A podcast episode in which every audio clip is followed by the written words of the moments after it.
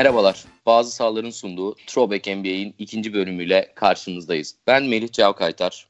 Yanımda Mert Demircioğlu ve Oğuzhan Turan var. Beyler nasılsınız? İyidir abi sen nasılsın? İyiyim. Teşekkürler. Mert sen nasılsın? İyidir abi siz sormalı. Ne olsun iyiyiz. Ee, heyecan var mı? Malum All-Star hafta sonu yaklaşıyor. Yani Aha. abi heyecan tabii ki tabii ki var da şey yani hani böyle nasıl söyleyeyim bu görsel şey gibi biraz. Önden birazcık heyecan oluyor ama başladığı zaman o öndeki heyecanı kadar etkilemiyor açıkçası beni ya. Eski tadını alamıyorum diyorsun. Abi böyle hazırlık süreci daha heyecanlı değil mi ya olayın? Hani böyle All Star'lar seçiliyor, açıklanıyor, yedekler işte smaç şampiyonasına katılacaklar falan. Ama hani sanki gösteri kısmı o öndeki o heyecanı kadar yok gibi geliyor bana. En azından artık öyle dediğin gibi. Eski yani 2000'lerin başındaki gibi değil en azından. Peki güncel konuşalım biraz. Mert seçimlerden memnun musun? Ben vallahi hiç değilim. Ya Clay Thompson falan ne işi olduğunu anlamaya çalışıyorum sadece. Hiç hak etmiyor. Gerçekten hiç hak etmiyordu ya. Abi Clay Peki. Thompson harici çok da absürt olan biri yoktu sanki ya.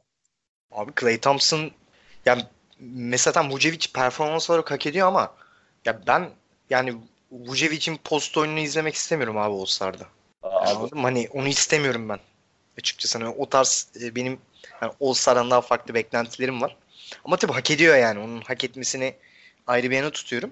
E, Benim sadece beklentim daha farklı oyuncu profilleri açısından. Ya mesela D'Angelo Russell bile sonradan seçilebildi. Sakatlıkla beraber geri girebildi. Yani D'Angelo Russell halbuki kariyerinin en iyi sezonunu oynuyor şu ana kadar. Tabii 3 senelik kariyerini. Yani orası tabii ayrı bir durum. Peki Antetokounmpo'nun seçimlerinden memnun muyuz? Middleton'ı yedekte ilk seçmesi. Tamamen saçmalık ya. Ne, ne amaçlı bu seçimleri yaptığını ben gerçekten anlayamadım. Bilmiyorum, siz belki cidden- anlamışsınızdır ama Yok Abi, onu James- kimse anlamaz. GM olsa 3 haftaya kovulur ya. 3 hafta fazla bile abi. Neyse en azından Curry'i aldı da hani birazcık takımın şekli düzeldi ya. Zaten alacağım diyordu ya. Üstünden smaç vurdum. Peki bu sene etkinliklerden böyle biraz böyle yükseldiğiniz bir şey var mı? Üçlük dışında Üçlük. pek benim yükseldi, yükseldiğim bir şey yok açıkçası. Abi smaç yine uzun adam almışlar. Ben uzun adamı istemiyorum. Bunu zaten ileride konuşacağız da. Yine yani Josh Collins'i almışlar. Yani ne kadar estetik smaç vuracağı çok tartışılır açıkçası. Gene en azından şey gibi değil abi böyle yani pivot almaları biraz daha şey oluyor. Yani bu arada şey John Collins biraz en azından kısa. Hani üç buçuk tarzı bir adama kaçabiliyor en azından. Hani biraz daha estetik olabilir ama yani genel itibariyle adayları itibariyle hakkını veremeyecekler gibi duruyor. Belki Dennis Smith Jr. Belki. Smith Jr. hırslanmıştır bir de belki şimdi. Bir kendimi göstereyim diye iyi çalışıyor olabilir yani. Olabilir olabilir. Ya beni takasladınız size kim olduğumu göstereceğim falan diyorsa belki iyi bir Abi şey o işler eskide kaldı. O işler valla throwback yani o işler. Eskide. Evet. Smaç yarışmasında şeyini rüştünü ispatlamak. Doğru. Eh rüştleri o zaman bir şey yapalım. Yad edelim. Gene elimizde bir 10 tane performans var. Gerek All-Star maçı olsun, gerek smaç yarışması, üçlük yarışması olsun. Gayet güzel 10 tane performansımız var. Seçerken çok zorlanmadık. Çünkü Skills Challenge'ı almadık. Ünlüler maçını almadık. Bize göre çok fazla gerekli olmayan şeyler olduğu için. Beyler listeye başlıyorum. Başlayalım abi. O zaman özel bir bilgiyle 1983 All-Star maçı Marvin Gaye, Mert sendeyiz. Abi bu All-Star'ın şöyle güzel bir noktası var. Burada çok fazla hikaye çıkıyor ortaya.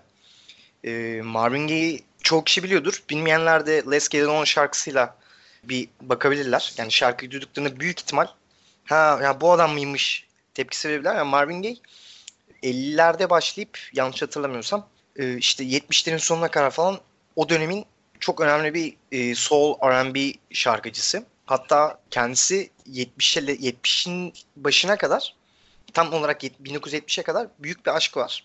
Tammy Terrell. E, onunla da hatta beraber söylediği Ain't No Mountain High Enough diye bir şarkıları var. Çok güzel bir şarkıdır. Onunla beraber söyledikleri bir şarkı var.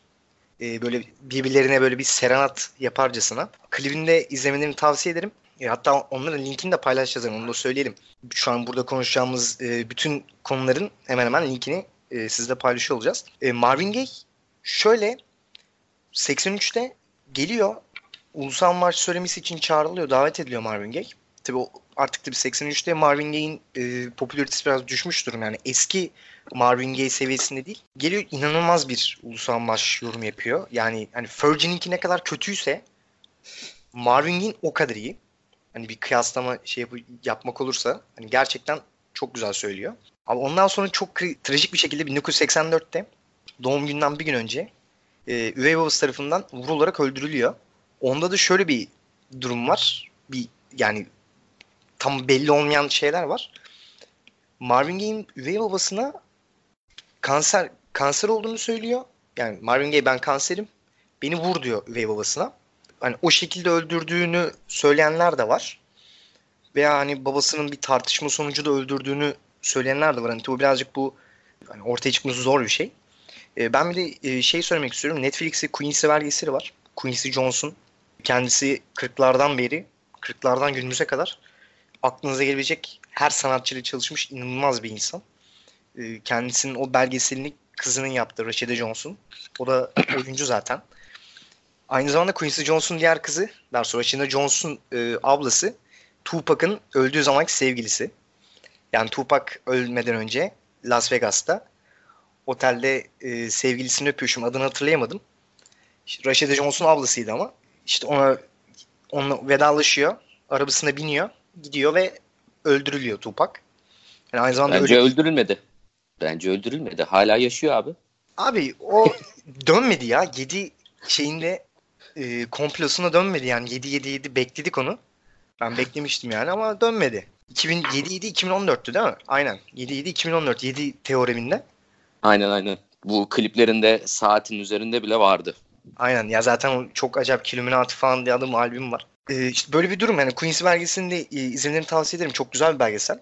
Yani 1983 ile ilgili söylenecek şey bence bu kadar. Yani bu Marvin Gaye'in olayı bile çok ayrı bir durum. Şarkılarını dinlemeni tavsiye ederim herkese. Çok güzel şarkılar var. Sonrasında da galiba bir e, Oğuzhan sana pası atacağım da anması var galiba. Onu sen söyleyecektin. Ha, aynen ben o kısmını şey yapayım. Ya, madem Mert o kadar Hollywood bilgisi verdi. Marvin Gaye'in kızı Nona Gay de bir hani meşhur bir Hollywood'da bir oyuncu kendisi. Hatta daha öncesinde işte Matrix ve Ali filmlerinde rol alıyor kendisi. Ve 2004 senesinde de işte e, vefatının Marvin Gaye'in vefatının 20. yıl dönümünde e, aynı babası gibi şeyin All Star öncesi e, ulusal marşı çıkıyor ve kendisi seslendiriyor. Ve bu şekilde de Marvin Gaye'i e, bir şekilde de NBA organizasyonu onurlandırmış oluyor. NBA'in derin sahalarına giriyoruz artık biraz böyle. 1985 Freeze Out, Freeze Out All Star dediğimiz Michael Jordan'ın unutulmaz e, All Star anısına geçiyoruz. Oğuzhan sendeyiz abi. Abi ben maça ilişkin yine kısa bilgi vereceğim. Mert çok güzel magazinsel bilgi veriyor. Ondan sonra Mert devam eder detay kısımlarını. Ya maç şöyle. e, 85 yılında atan Michael Jordan'ın çaylak sezonu. İşte All Star seçiliyor. Ee, işte normalde işte e, işte Michael Jordan NBA'nin artık yeni yüz, yüzlerinden birisi oluyor. Yeni süperstarlarından bir tanesi oluyor. Ve hani hikayenin tabii bunların hani tamamıyla bir kısmı doğrulandı bir kısmı doğrulanmadı ama işte maçta yer alan e, şeylerin Magic Johnson ve işte Isaiah Thomas'ın kendisine karşı bir düşmanlık beslediği ve hani maçtan önce de evet, biz bu adamı oynatmayacağız bu maçta e, diye aralarında anlaştığı söyleniyor maçla ilgili. E, maçta da Michael Jordan hakikaten çok kötü bir performans sergiliyor. İşte maçta e, 9'da 2 sayı isabetiyle yanlış hatırlamıyorsam 7 sayı. 7 sayıda kalıyor sadece maçta Doğru. ve 22 dakika sadece parkede kalabiliyor. İşte fauller vesaireler. E, bu şekilde e, Michael Jordan'a kötü bir giriş yapmalarını sağlıyorlar. Bunun öncesinde şey de var. Michael Jordan e, şey öncesi All Star öncesi antrenmanlarda işte o zaman işte Nike diye marka artık yeni yeni ortaya çıkıyor ve hani Michael Jordan da bunu yükselten insan. İşte bunun çekimleri vesaire olunca e, kendileri de işte bu Isaiah Thomas ve e, Magic Johnson ikilisi de kendisinden pek hoşlanmayınca e, herhalde bunu bize rakip olacak yeni süperstar gelmesin diye mi tribe girdiler artık hareketlerini mi sevmediler. Hani hikayesi birazcık daha derin hani çok farklı söylentiler var dediğim gibi. E, kendilerini bu şekilde e, Michael Jordan'ı maçta zorluyorlar ve çok kötü bir maç geçirip kötü bir intiba bırakmasına sebebiyet veriyorlar. Ha tabii Michael Jordan sonrasında rövanş alıyor ama rövanş kısmını da size bırakıyorum. Mert sendeyiz. Ya e, çok güzel söyledi olsam buraya kadar. Şöyle bir durum var abi. Bu maç bittikten sonra Jordan çok inanılmaz e, kinli zaten. Yani o konuda Jordan'ın takıntılı bir insan olduğunu zaten herkes biliyordur. Abi ilk e, Chicago Bulls Detroit Pistons maçında Jordan 49 sayı 15 rebound 5 asist 4 top çalmayla oynuyor. Maçı 2 uzatmaya gidiyor ve kazanıyorlar. Yani Jordan'ın ve bu çaylak sezondan bahsediyorum yani 1985. Ee, yani Jordan o dönem yanında kimse yok. Hani gerçekten kimse yok. Acayip bir maç oynuyor. Şey e, yanlış hatırlamıyorsam e, George Irving var. Ama George Irving artık zaten son dönemlerini yaşıyor. Siz biliyorsanız beni düzeltin ama ondan sonra bir şey oluyor bir de. E, zaten ya Isaiah Thomas ve bu Michael Jordan düşmanlığı burada başlıyor. Ta şeye kadar devam ediyor yani 1992 Dream Team e, seçimlerinde bile Michael Jordan açık açık şunu söylüyor. Isaiah Thomas gelirse ben oynamam. E tabi 92'de doğal olarak yani Michael Jordan'ın istemediği bir oyuncunun takıma girmesi imkansız olduğu için tek bir tane istisnası var. İmkansız olduğu için tabii ki Isaiah Thomas'ı almıyorlar. Ve o Dream Team'de Isaiah Thomas olamıyor. Ya hak ediyor muydu? O dönem hak ediyordu. Isaiah Thomas orada olmayı. O da o dönemin e, hani Dream Team tanımlaması içerisinde olabilecek bir oyuncuydu. Ama tabii Michael Jordan'la yaşadıkları bu sıkıntılar onun orada olmasını engelledi. Başka da ben bir şey söylemek istiyorum. Sen de bir şeyler ekleyecektin Meli. Hı hı. Ya bir şöyle ya bu da e, o sezon Chicago'nun derecesi 30-52. Chicago'nun derecesi o sezon 30-52. Evet evet zaten ilk ilk dönemleri çok kötü ya. Aynen. Ya bu çok büyük bir hani süreç bana göre bir 7 senelik. Ya Jordan geliyor. Jordan Chicago'lu yani Chicago seçtiği için Bulls takımında oynayacağı için Isaiah Thomas da bir Chicago sembolü olan bir adam. Biraz hoşnut olmuyor çünkü artık Chicago'da o kadar anılmıyor e, Jordan geldikten sonra. Sonrasında bu All-Star'da Magic Johnson'la birlikte e, resmen adamı kumpas düzenlemeye çalışıyorlar ama kumpasla düzenlemeye çalıştıkları adam herhalde tartışmasız bu sporun en iyi oyuncusu. E, zaten bir maç sonraki kısmı Mert'in anlattığı şekilde daha sonrasında e, Isaiah Thomas'la Michael Jordan'ın hikayesi bitmiyor. 88, 89 ve 90'da playofflarda Chicago Bulls ve Detroit Pistons karşılaşıyor. Ee, Jordan tam böyle yavaş yavaş artık yükselmeye başladığı devirler. Bu ünlü Jordan rule giriyor. Ee, hani bilmiyorum biliyor musunuz?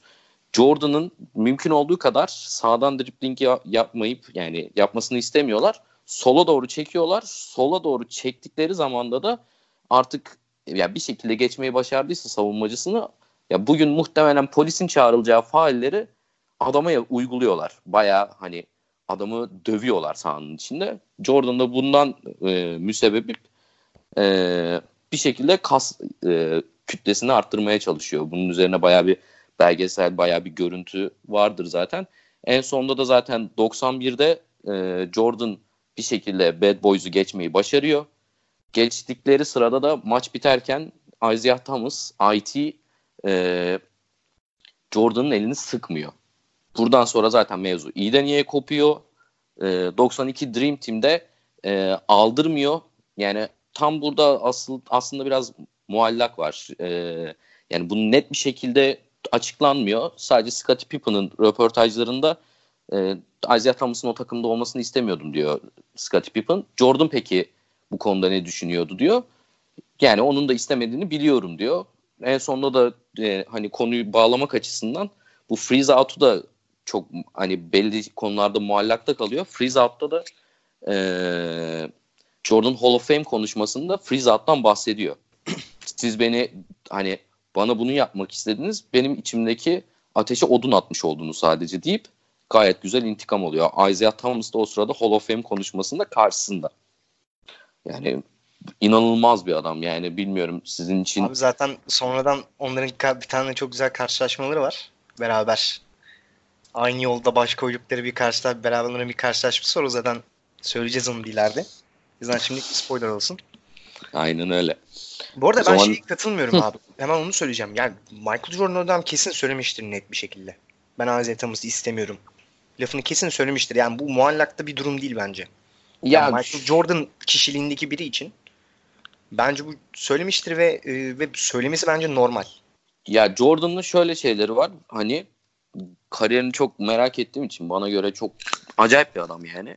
Çok muallakta kalan şeyler var. Bu e, babasının öldürülmesiyle iki sene basketboldan uzak kalmasında bile türlü türlü yok işte kumar bağımlılığı vardı. David Stern onu işte bir şekilde ligden uzaklaştırdı. Jordan'ın kariyerinde inanılmaz böyle şeyler var böyle sis bulutları var. Onu tam e, hani halen daha açıklanmayan, halen daha tam böyle üzerine net birinin bir şey söylemediği kısımlar var. Yani yapmış olabilir mi? Kesinlikle yapmış olabilir. İnanılmaz bir hırs makinesi. Ama hani ben hani mümkün olduğu kadar baktım. Hani çok bir şey bulamadığım için açıkçası bir şey demiyorum ama kesinlikle yapmıştır buna. Ben de katılıyorum. Devam ediyorum. 3 numaraya geçiyoruz. 92 All-Star NBA'deyiz. NBA'in biraz organizasyon olarak iyi kısımlarını övmek istiyoruz. Mert sendeyiz.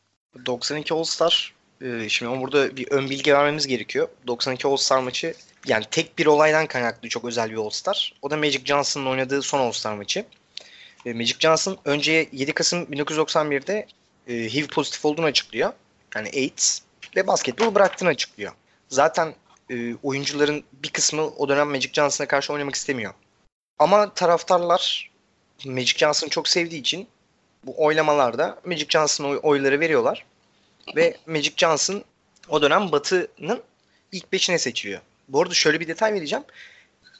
92 All-Star'ın en fazla oy olan kişi kim sizce? Kim, kim Evet. olmuş? Toplamda en fazla oy olan 92 oy olan- All-Star'ın.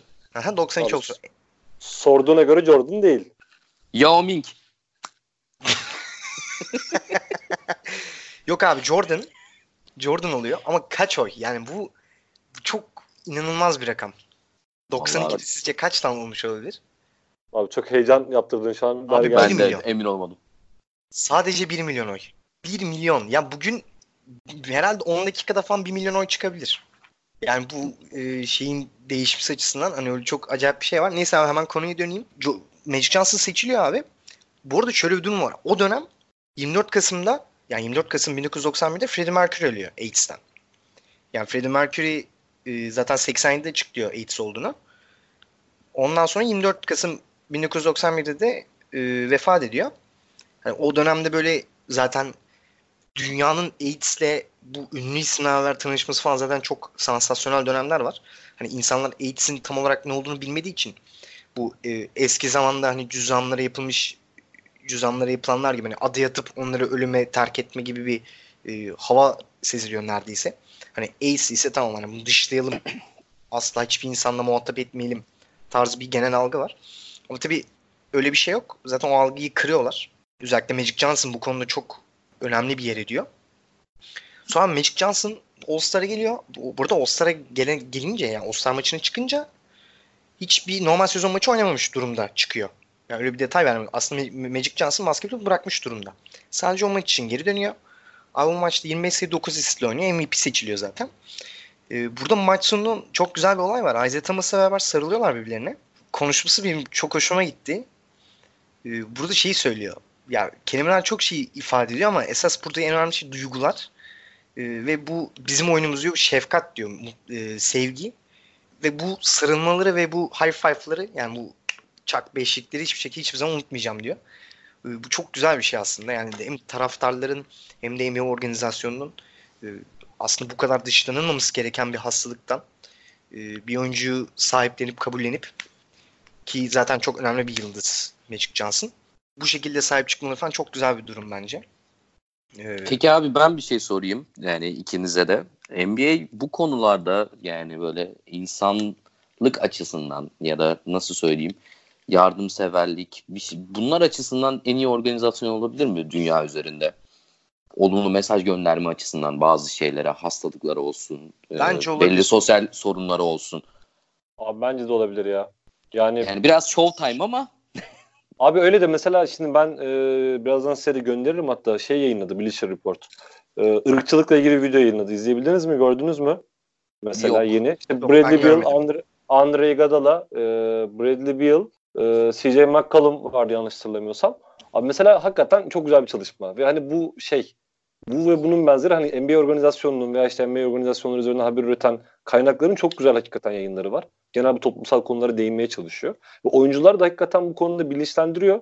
Hani evet baktığınız zaman birazcık hakikaten show business. İşte bu sosyal Ya yardım pardon ben de show time dedim ama düzeltecektim. Teşekkür Ha, ederim. yani biraz show business ama şey ama sonuç itibariyle yine de her ne kadar işin hani görünen tarafı birazcık show da olsa arka planda insanlara iyi şeyler yapıldığını gösteriyorlar ve ben yine de bu yapılan tüm çabanın, tüm organizasyonların e, toplum üzerinde olumlu bir etkisi olduğunu düşünüyorum. Yani ben şahsen Türkiye Ligi'nde de hani böyle arada bir senede bir kere yalandan şey yapıyor takımlar ama hani bu ölçüde en azından duyarlı olmasını isterim ben yani. Tabii canım yani bizim de zaten üzerine konuştuğumuz Türkiye Ligi'nden örnekler vardı hatırlarsanız. Yani Efes Pilsen'in bu e, hastalanan oyuncusuna çok sahip çıkmaması gibi. Yani beraber gördüğümüz için söylüyorum. Yani benim gördüğüm NBA bu konuda açık ara en ilgili, en şefkatli diyebileceğim organizasyonlardan biri. Yani zaten bu 92'de yaptığı da yani başka organizasyon yapar mı o dönemde? Hani Magic Johnson'ı o sahaya çıkartır mı? Çok zannetmiyorum açıkçası. Büyük çıkarmazdı çünkü o dönem gerçekten çok e, sert yaklaşılıyor AIDS durumuna. Aynen. Şimdiki gibi değil. Yani Abi bu arada insanların bilinçlenmesi de bu konuda hani sonuç olarak o an hani bu kadar böyle gözünün çıkması ya AIDS'ın yani baktığında hani 1991'de ortaya çıkan bir hastalık değil. Yani bir anda 91'de sadece Magic Johnson olmuyor. Sadece e, hani hastalığı kapanlar e, hayat kadınları yani o tarz işte uyuşturucu kullananlar da hani e, daha böyle kötü rol modelindeki insanlar oldukları için Magic Johnson'ın e, AIDS kapması, AIDS virüsüne sahip olması tabii insanlar daha böyle farklı bir algı ortaya çıkıyor. Onu da dış bazı insanlar tabii dışlıyor. Ama tabii o kadar da dışlanım, dışlanmaması gerektiğini insanlar eğitimle beraber bilinçlenince anlıyorlar. Yani orada ben de dipnot geçeyim son olarak e, bir sağlıkçı olarak. Şu an Magic Johnson nasıl yaşıyor diye sorabilirsiniz. Freddie Mercury AIDS hastası. Kapıyor. Ama Magic Johnson taşıyıcısı pozisyonunda. Magic Johnson'ın sadece e, kendine hani belli bir şey var benim bildiğim kadarıyla Magic Johnson taşıyıcı olarak hani hayatını sürdürüyor. Evet evet. E, yani böyle bir durumu var. Devam ediyorum. Biraz Abi daha çok artık. kısa bir şey ekleyeyim mi? Tabii çok ki. kısa bir şey ekleyeyim mi? Ee, şimdi bu Magic Johnson'la ilgili ben bir de şunu ekleyeyim. O yaz işte bizim az önce de konuştuğumuz hem konuyla birleşmesi açısından. İşte yazın 92 e, olimpiyatları var malum. Meşhur o Dream Team. Hakikaten muhteşem bir kadro. Ve Magic Johnson orada e, olimpiyatlara da gidiyor yazın. Hani bunun evet, evet gidiyor gidiyor. Aynen. Olimpiyatlara da gidiyor. Bir de kadroda ben şey dikkatimi çekmiş ilk baktığımda. Hani 11 tane çok meşhur adam var. Bir 12. adam var. Christian Leitner diye. Leitner, bu da şeyden evet. geliyor. NCAA'den. NCAA'den geliyor. Burada da şey diyorlardı hatta yorum olarak işte. Aslında o 12. koltuk şeyin işte Isaiah Thomas'ın ama Jordan izin vermediği için kolej bebesini aldılar. Aynen. Ama çok enteresan kadro abi. Yani 11 tane muhteşem NBA yıldızı var. Yanlarında bir tane kolej çocuğu. Hakikaten. O zaten Christian Leitner'ın NBA hikayesi çok ilginç. O, o da NBA'ye giriyor. Tabii yani Dream Team üyesi olarak giriyor. Çok acayip beklentiler var kendisinden ama hiçbir zaman olmuyor. Karşılayamıyor. Olmuyor yani. Aynen. Aynen. Bu arada 92'ye değinmişken e, yani birçoklarına göre birçok NBA ile ilgili yazan çizenler adına 92'de e, bu Dream Team'in yaptığı e, bir antrenman maçı var. O antrenman maçı dünya üzerinde oynanmış en iyi maç olarak kabul ediliyor.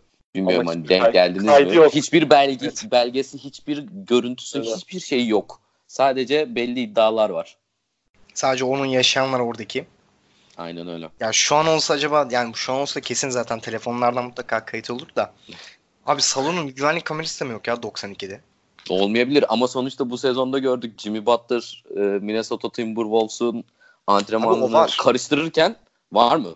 Bence kesin var. Onu, ortaya. onu şu an saklıyorlar abi. O 5 sene sonra falan pardon özür dilerim 3 sene sonra Philadelphia şampiyon olduğunda şey yapacaklar işte Jimmy Butler'ın Philadelphia geliş hikayesi diye böyle.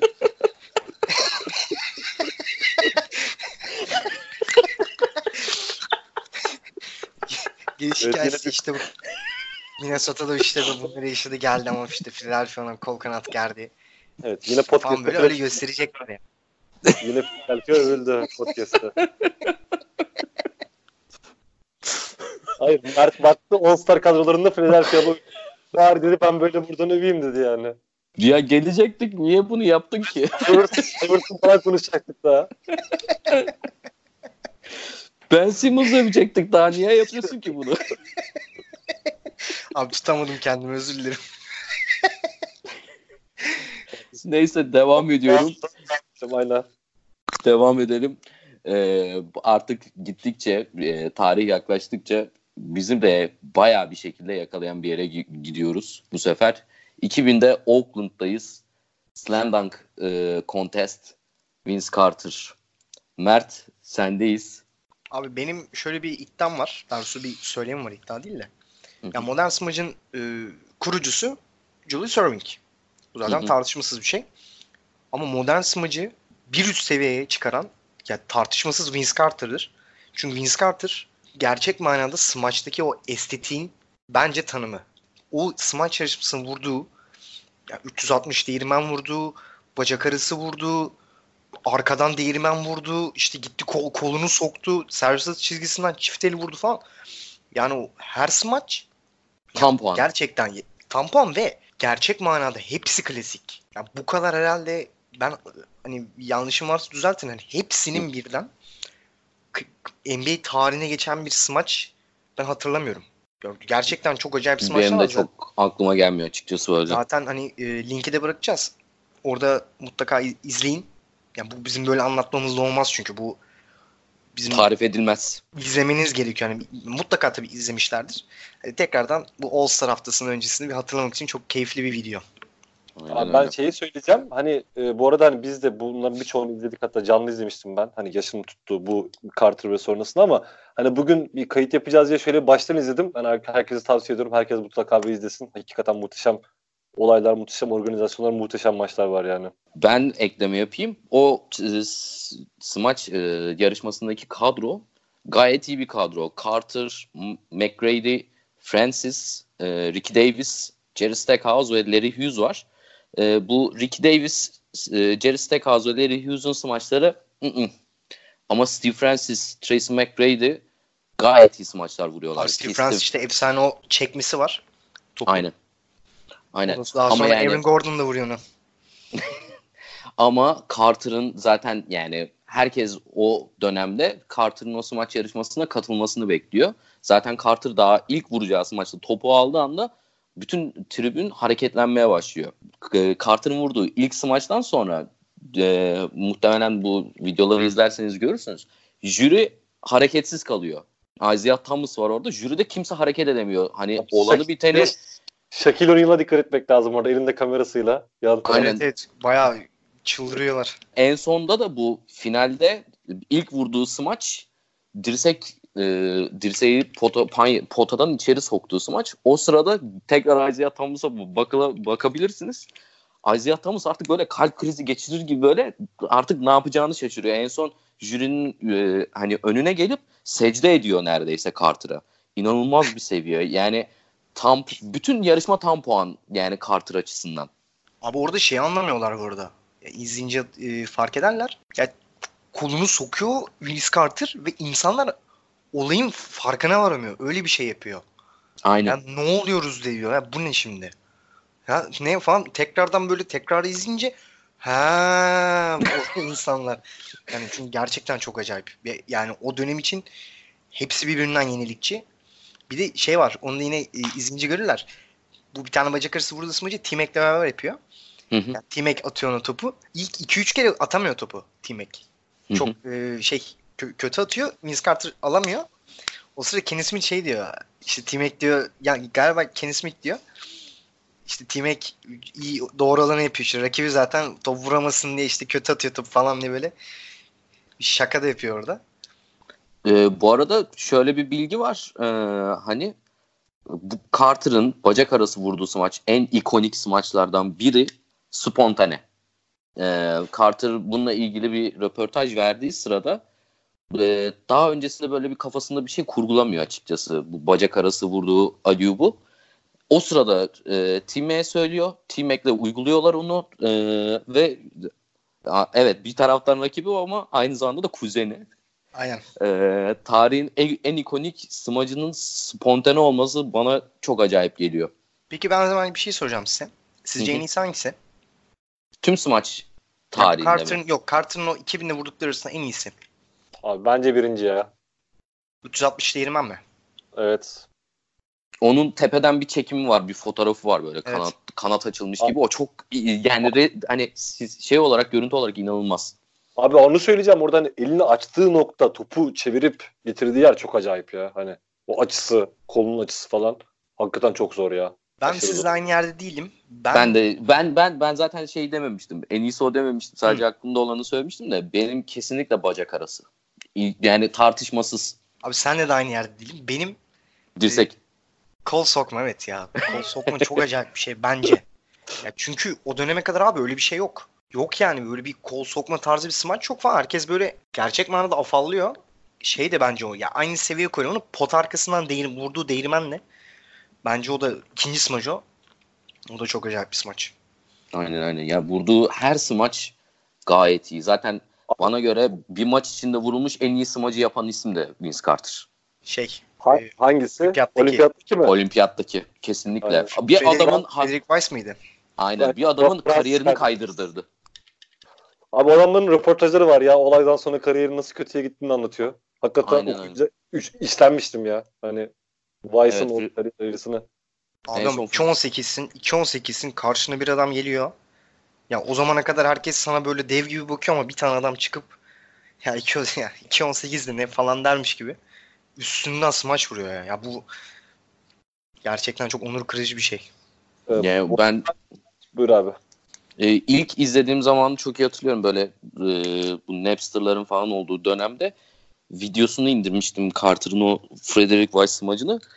Herhalde bir bin kere falan seyretmeye çalışmışımdır. Orada çünkü e, smacı vurduktan sonra sahada 8 kişi ya pardon kartı ya evet 8 kişi ne olduğunu anlamıyor. E, Garnett kafayı yiyor. Ga- Carter'a vurmaya başlıyor. Sağda kalan 8 kişi bir anlık böyle ne oluyor yani? Hani ne oldu? kısmında kalıyorlar. İnanılmaz bir smaç. Ve orada yanlışlıkla Garnett'i yumruk diyor. Yani yumrukla ve yumrukla yazıyor daha doğrusu. Yumruklayacakmış gibi oluyor. Garnett çekiliyor falan. Bu çok acayip bir sevinç yani ama yani ben de vursam muhtemelen ben de kendimden geçerdim. Muhtemelen.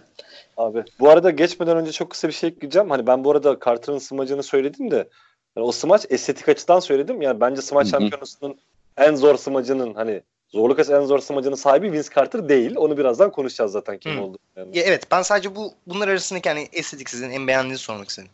Hani estetik olarak zaten bütün bu 5 Hepsi çok güzel. smacın bir tek yani ben hani e, serbest atış kısmındaki artık o hani pastanın biraz kreması gibi kalıyor. Hani Tam servis da vuramıyor zaten. aynen aynen. Ya muhtemelen onun biraz daha böyle hani kafayı yormuş olsa çok başka bir şey bile çıkartmış olabilirdi yani. Ama yani 5 smaçta da bana göre de tam puan kesinlikle. Abi Earl Moneygold çıkarır mıydı? İki Hı? kere vur, iki kere smaç vurma Earl Moneygold. Ha. Yok. Bilmiyorum. Efsane Moneygold. Bilmiyorum ama yani çok acayip bir şey daha çıkartabilirdi yani. Bence ama kesinlikle hani tam puan. Daha hani üstüne bir şey koyamam. Aynen öyle. Devam ediyorum. Ee, 2001'deyiz. Washington'da All-Star maçındayız. All-Star'ın All-Star olduğu dönemler. Bizim de herhalde bir bayağıdır All-Star maçlarını aramamızın sebebi olan bir maç. Oğuzhan abi sendeyiz. Ya şöyle hani en iyi maç iddiasında bulunmayacağım. Hani en iyi maçları demeyeceğim ama hani belki de muhtemelen üçümüz için de hani ben canlı izlemiştim bu maçı. Üçümüz için de hani en özel İzleyemedim. olsa olabilir. Yani hani bu hakikaten şöyle bir şey. Ben maça ilişkin şunu anlatayım. İlk çeyrekte 3 tane blok vardı. Yani hani ilk çeyrekte 3 blok. Yani siz şu LeBron'un, Carmelo'nun falan olduğu herhangi bir şu yeni nesil All-Star'da 3 blok olduğunu hayal edebiliyor musunuz ya bir çeyrekte? İlk çeyrekte. Da blokları da hani bir arkadaşlar şimdi linkleri bırakırız izlerler dinleyenler. Hani o ilkinde şey Tracy McGrady'nin Kobe bloğu var. Hani işte birinde Duncan smaca giden McGrady veya Carter mıydı? McGrady olması lazım. Onu bulup blokluyor falan. Acayip şeyler var. Yani maç şey var orada. Maçın başında Garnett'in birine Aliyup e, pası atıyor bir karşı taraftan. E, doğudan biri. Garnett Aliyup'u engellemek için bayağı cansperane zıplayıp topa vuruyor. Böyle tribüne Ya- karışıyor. Yani şöyle maç tabii ki normal maç havası değil ama yani sahadaki oyuncuların karakteriyle alakalı biraz ondan da bahsedeceğiz. İnanılmaz rekabetçi bir maç. Çok eğlenceli bir maç, tempolu bir maç. Böyle sürekli ve şey hani oyun akıyor, çok güzel hareketli oluyor, çok estetik oluyor. Ve hani şöyle maça e, ben maçtan kısaca bahsedeyim. Maça Batı Konferansı çok iyi başlıyor. Ve hani maç sonuna kadar, son çeyreğe kadar gidiyor. Son çeyrek başında 19 sayı fark var ve bir ara 23'e kadar çıkıyor yanlış hatırlamıyorsam. E, ve hani oradan Doğu Konferansı dönüyor ve maçı kazanıyor. Hani maçın kazanılmasının en büyük etkenlerinden bir tanesi tabii ki şey Allen Iverson. Bu arada Allen Iverson'la ilgili bir şey söyleyeceğim. O hani bunu bence mutlaka herkes izlesin. E, bir pozisyon var. Vince Carter bir pas atıyor. E, arıyor pası gibi. Allen Iverson kötü bir pas atıyor. Bayağı kötü bir pas. Topu Panya'nın arkasında yakalıyor. Oradan topu sol elle yakalayıp çevirip sağ elle bıraktığı bir turnike var. Ya hakikaten inanılmaz bir olay ya. Hani inanılmaz bir hareket. Hani mutlaka izlemesini tavsiye ederim. Benim de aklımda bir pozisyon daha var o maçla ilgili. E, o dönem e, Kobe hayranı olduğum için e, Iverson o kadar sempatik gelmiyordu bana. Ama tabii hepimizin idol oldu idol aldığı karakterler de o dönemde. Abi kavga çıkarmak ee, lütfen.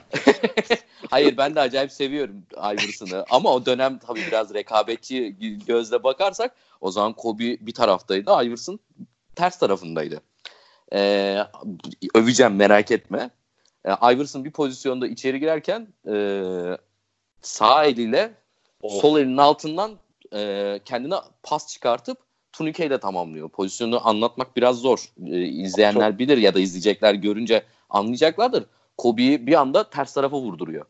Ne olduğunu anlamıyor Kobe. Çok güzel bir harekettir o da. Diğer Panya'nın arkasından yakaladığı pozisyonla birlikte.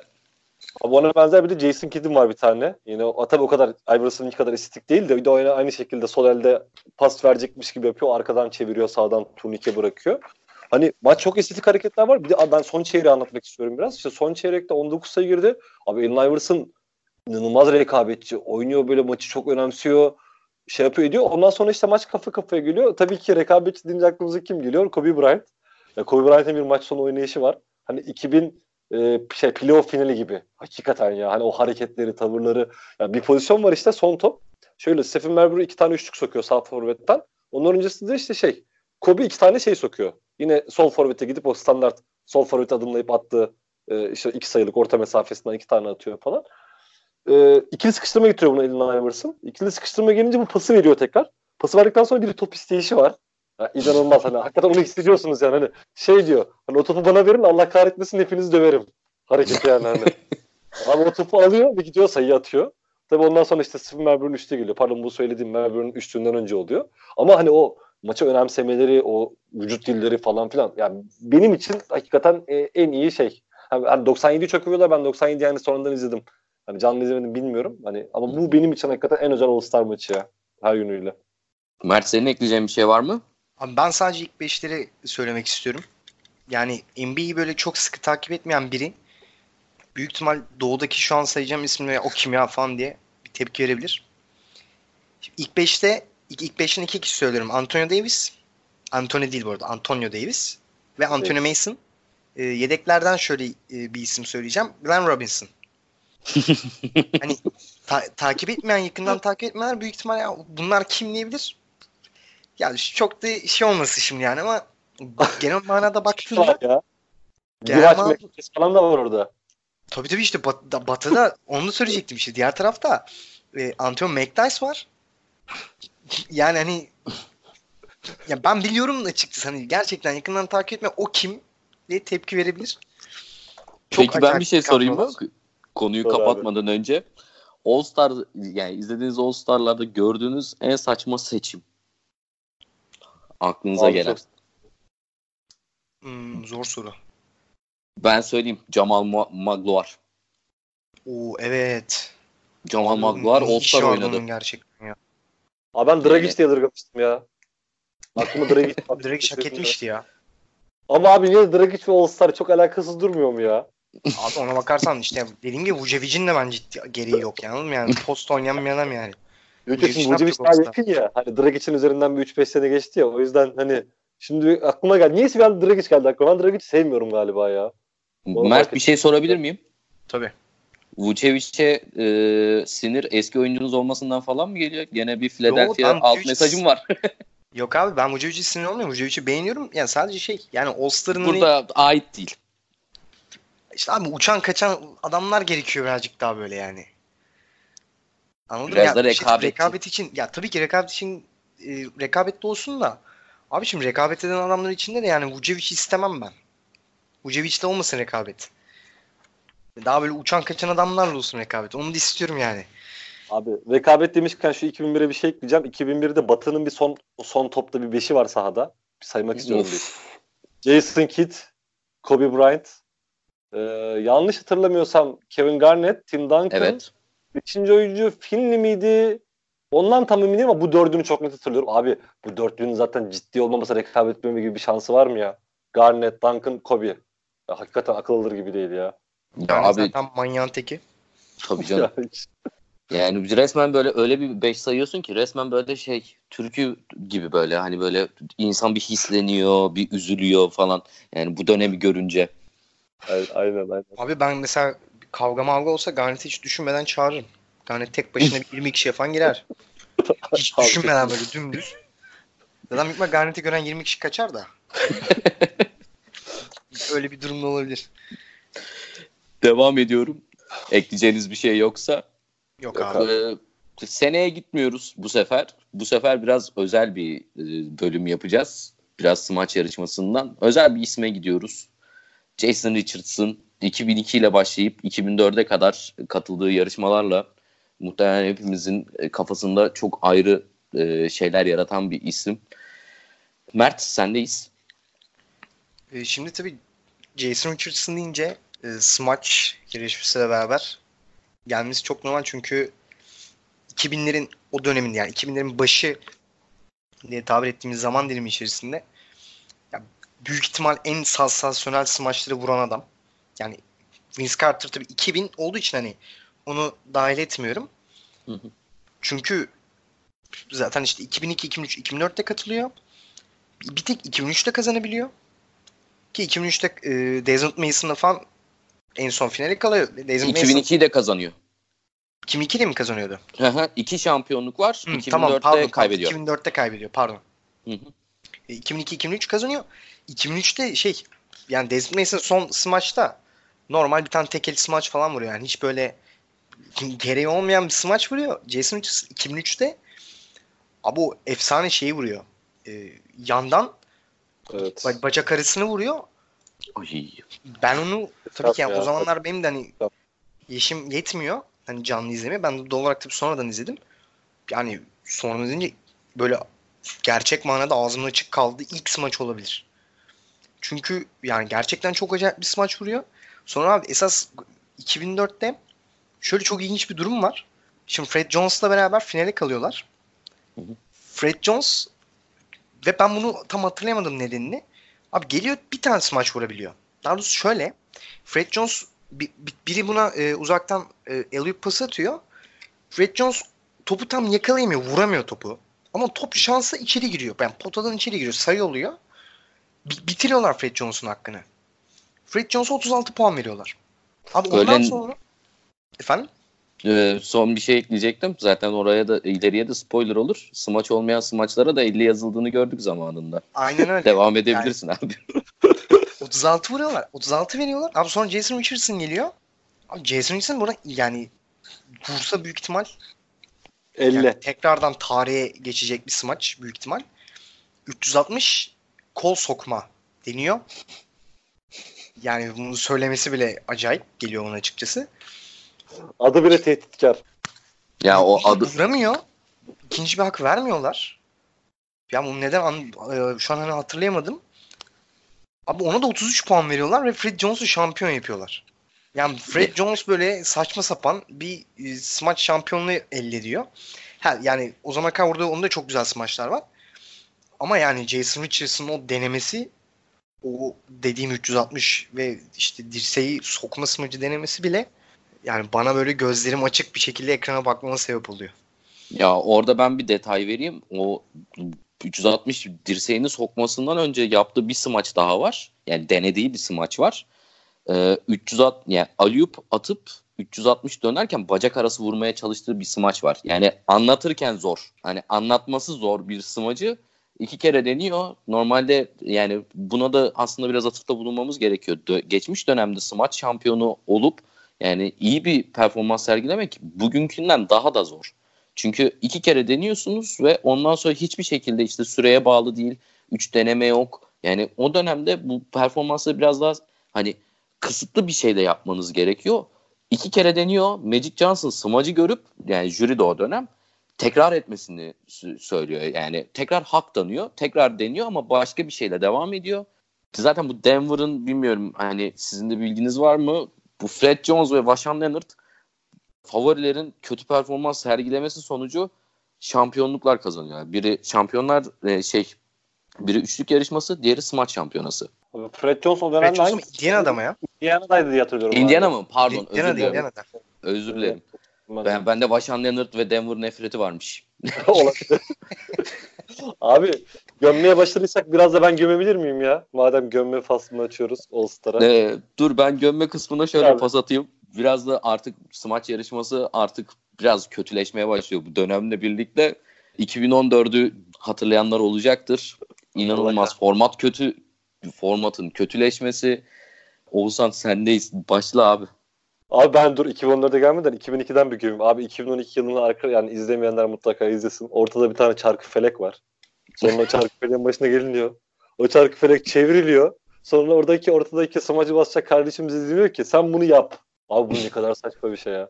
Ya sonuçta Aynen. bu maç yarışması dediğimiz konu kişinin orada sonuçta bu bir gösteri. Yani pota top belli bir süre var ve bir de, veya belli bir deneme hakkı var. Yılına göre değişiyor. Çıkıp orada bir gösteri yapmasını bekliyoruz aslında. Hani kişinin daha önceden çalışıp hani estetik açıdan aynı zamanda zorluk açıdan böyle tribünleri etkilemesi yani. Smaç şampiyonasının mantığı bu. Abi oraya bir çarkı felek koyup onu çevirmek kimin aklına gelmiş acaba? Çok merak ediyorum hakikaten ya. Ya bir de o çarkı felekte şöyle bir şey var. Ee, hani bu izleyecekler için söyleyeyim. Yani Michael Jordan'ın vurduğu smaçlar, işte Julius Erving'in vurduğu smaçlar, Dominic Wilkins'in vurduğu smaçlar bir soru işareti koymuşlar orada. Allah'tan bir serbestlik tanımışlar oyunculara. Rezaletin en büyüğü Jason Richardson çift ayak sıçrayan bir adam. Ona Julius Erving'in serbest atıştan sıçraması yani sıçramayla yaptığı smacı istiyorlar. Yani adamın bunu yapması mümkün değil. İki kere de vuruyor zaten. İkincisinde artık böyle yani adam kıvranıyor. Çok kötü bir uygulama. Abi çok kötü uygulama. Bir de yani şöyle de bir şey var. Hani mantığı yok. Ben hakikaten mantığını anlamadım yani. Hani çünkü kişileri bu çok gereksiz bir yere zorlama. Hakikaten belki de oyuncular oraya gelmeden önce aylarca çalışmış olabilir. Çok daha iyisini yapabilecekken böyle insanları da çok saçma bir şey zorluyorlar 2002'de. Ben 2004'e ilişkin de bir şey ekleyeceğim bu arada. Yani 2004'te hani daha kötü smaçların olduğu şeyler var ama hani organizasyon ve katılımcılar açısından hakikaten rezalet ya 2004. Yani hani Jason Richardson'ı çıkart. Ya muhtemelen Fred Johnson amcası falan NBA yönetiminde falan olması lazım. Türk mantığıyla düşünüyorum. Hani bunun başka hiçbir açıklaması yok ya bu organizasyon. Başka hiç, hiçbir mantığı olamaz. Ciddi söylüyorum yani. Hani 2004 ile ilgili. En son 2014'e geçeyim oradan size vereceğim. Topu size atacağım. Abi 2014 ile ilgili şöyle bir saçma var. Ya 2014'te de şey olmuş. Hani biz bir format belirleyelim farklı bir şey yapalım diye. Takımları yanlış hatırlamıyorsam üçerli diye. Yani yanlışsam beni düzeltin. E, Doğru, üçerli iki takımı ayırıp onlar üzerinden bir yarışma yapıldı ki o da hakikaten rezalet bir olaydı ya. İşte bir tarafta Doğu'da Paul George, Terence Rose, John Wall. Batı'da Batı'yı şu an tam hatırlayamıyorum da. Damon Lillard, e, Harrison Ben- Barnes, Ben McLemore. Abi çok kötü üçlü. Of. Üçlüye bakar mısınız ya? Ben McLemore ve Harrison Barnes var yani. Ya, hakikaten çok çok kötü bir formattı yani bu da. Ya bu NBA tamam farklı bir şeyler deniyor. Ya birazdan şeyleri de konuşacağız en son. Bu e, format değişikliğini veya şimdi mi konuşalım isterseniz bilmiyorum da bu e, Team USA, Team World mevzusu işte bu yeni draft mevzusu gibi şeyler deniyor. Ama bu denediği en kötü şeylerden bir tanesiydi bu takım ayırmak smaç şampiyonasını. Abi Ya bence zaten- ben hemen şöyle bir şey ekleyeceğim. Abi o 2010'da izleyenler görecek sahada bir şeyler oluyor. Böyle biri du- vuruyor, smaç vuruyor, biri bakıyor falan böyle. Yani bu yarışmacı bunlar. Biri Abi tekrar vuruyor. işte- Durmadan bir şeyler oluyor böyle. Herkes ne olduğunu anlamaya çalışıyor. Ya büyük ihtimal çıkanlar da şeymiş ya. Beyler takılın, vurun arada smaç falan vurun. İşte böyle kafanıza göre iki dakika süreniz var işte. İstediğinizi yapın falan dediler herhalde. Biri vuruyor, biri bakıyor böyle falan. Biri sonra tekrar vuruyor. Bir anda hemen üçlü vuruyorlar. Bir şeyler yapıyorlar. Saçmalığın daniskasından başka hiçbir şey değil yani. Bence yani NBA tarihinin en kötü organizasyon 2004 smaç yarışması. Olabilir. Katılıyorum. Olabilir. İki- 2002 de çok kötü. Yani bu çarkı felek hesabı. Evet orada da var Çarkfek ama bence bu yani yine tamam burada hani şeyi bırakıyorlar. Hani yarat- oyuncuların kendi yaratıcılığını, serbestini bırakıyorlar ama yani bu kadar da bırakmayın abi. Bir kural bir şey koyun ya. Böyle iki dakika herkes vuruyor vuruyor. Sokakta sanki böyle öylesine çıkan çocuklar gibi bir şeyler yapıyorlar yani. Neyse yükseldik artık Nate Robinson ve Dwight Howard zamanı geldi diye düşünüyorum ya. Aynen aynen. Ben bir başlayayım şöyle bir Başla. Dwight Howard'la linçi yiyelim.